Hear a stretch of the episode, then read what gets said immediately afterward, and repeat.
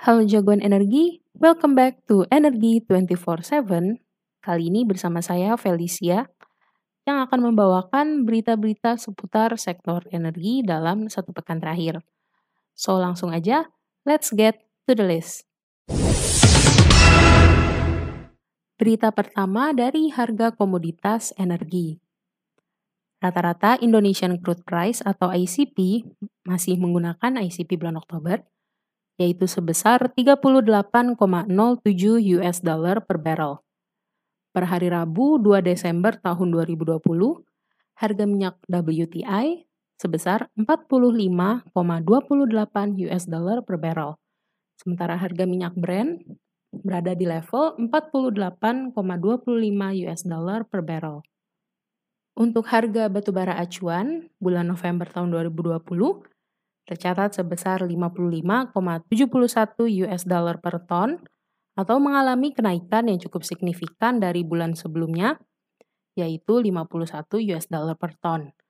Sementara Newcastle Coal Price per tanggal 2 Desember tahun 2020 tercatat sebesar 71,4 US dollar per ton atau kenaikan yang sangat signifikan dibandingkan dengan harga bulan November. Inpex dan PGN teken MOU jual beli gas Masela. Inpex Masela dan perusahaan gas negara atau PGN menandatangani nota kesepahaman atau MOU jual beli gas Masela pada hari Kamis 3 Desember di International Convention on Indonesian Upstream Oil and Gas atau IOG 2020 yang diselenggarakan oleh SKK Migas.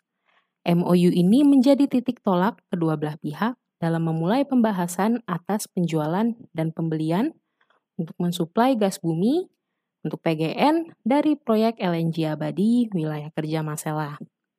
Pengembangan proyek LNG abadi di Kabupaten Kepulauan Tanimbar Maluku ini memiliki cadangan terbukti yaitu 18,5 TCF dan 225 juta barrel kondensat. Kepala SKK Migas, Bapak Dwi Sucipto, mengatakan penandatanganan MOU ini menjadi tonggak penting dalam pengembangan proyek Abadi Masela yang merupakan salah satu proyek gas terbesar dalam waktu dekat. Di sisi lain, penyerapan gas oleh PGN menunjukkan komitmen pemerintah dan industri hulu migas untuk memprioritaskan permintaan gas dalam negeri. Presiden Direktur Indonesia Inpex Masela, Akihiro Watanabe, mengungkapkan kesepakatan yang ditandatangani ini sejalan dengan kebijakan pemerintah Indonesia dalam memanfaatkan sumber daya alam secara efektif untuk kepentingan domestik. Sebagai produsen dan penjual gas bumi di Indonesia, Inpex ingin berkontribusi bagi perekonomian dan kesejahteraan masyarakat Indonesia melalui implementasi perjanjian ini. PLN petakan potensi pengembangan PLTS di lahan bekas tambang. PT PLN memetakan terdapat 436 MW potensi pembangkit listrik tenaga surya atau PLTS yang bisa dikembangkan di lahan bekas tambang. Executive Vice President Divisi Energi Baru dan Terbarukan PT PLN, Ibu Cita Dewi, mengatakan dalam draft RUPTL terbaru ada alokasi rencana penambahan kapasitas PLTS hingga 1,4 gigawatt. Dalam jumlah lokasi tersebut terdapat potensi pengembangan PLTS hingga 436 megawatt di lahan-lahan bekas tambang yang tersebar di Pulau Sumatera dan Kalimantan. Namun demikian, potensi pengembangan PLTS ini masih dalam tahap kajian.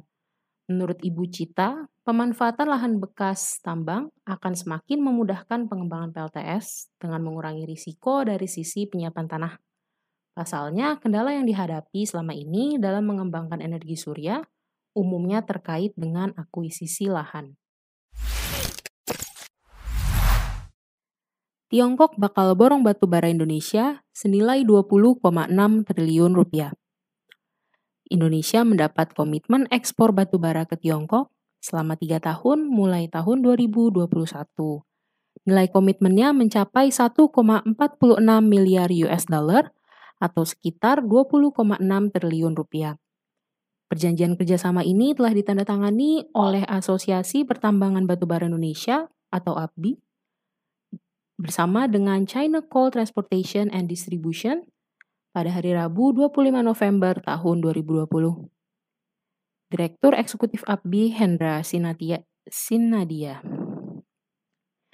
Direktur Eksekutif APBI Hendra Sinadia menyampaikan, kesepakatan penjualan batubara Indonesia ke Tiongkok akan meningkatkan volume perdagangan.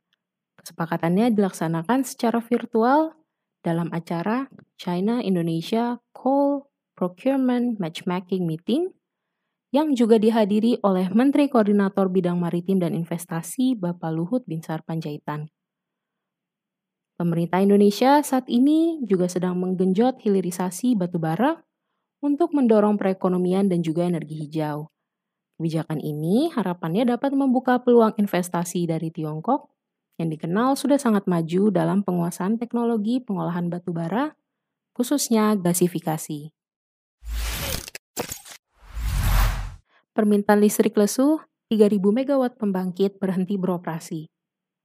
Pertumbuhan konsumsi listrik hingga Oktober tahun 2020 masih lesu akibat dampak pandemi COVID-19.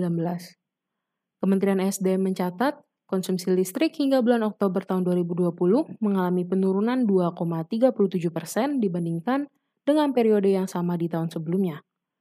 Direktur Pembinaan Program Ketenaga Listrikan Kementerian SDM, Bapak Jisman Hutajulu, mengungkapkan bahwa terjadi penurunan konsumsi listrik di daerah Jawa dan Bali sekitar 10 persen.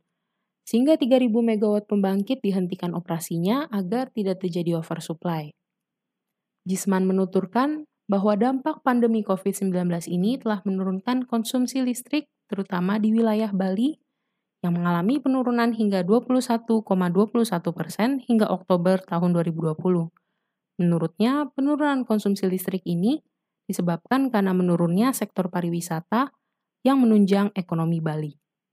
Sementara itu, wilayah sistem kelistrikan yang mengalami pertumbuhan negatif lainnya adalah Sumatera Barat sebesar 0,53 persen, Jawa Barat sebesar 2,97 persen, DKI Jakarta dan Tangerang 11,44 persen, serta Banten 9,73 persen.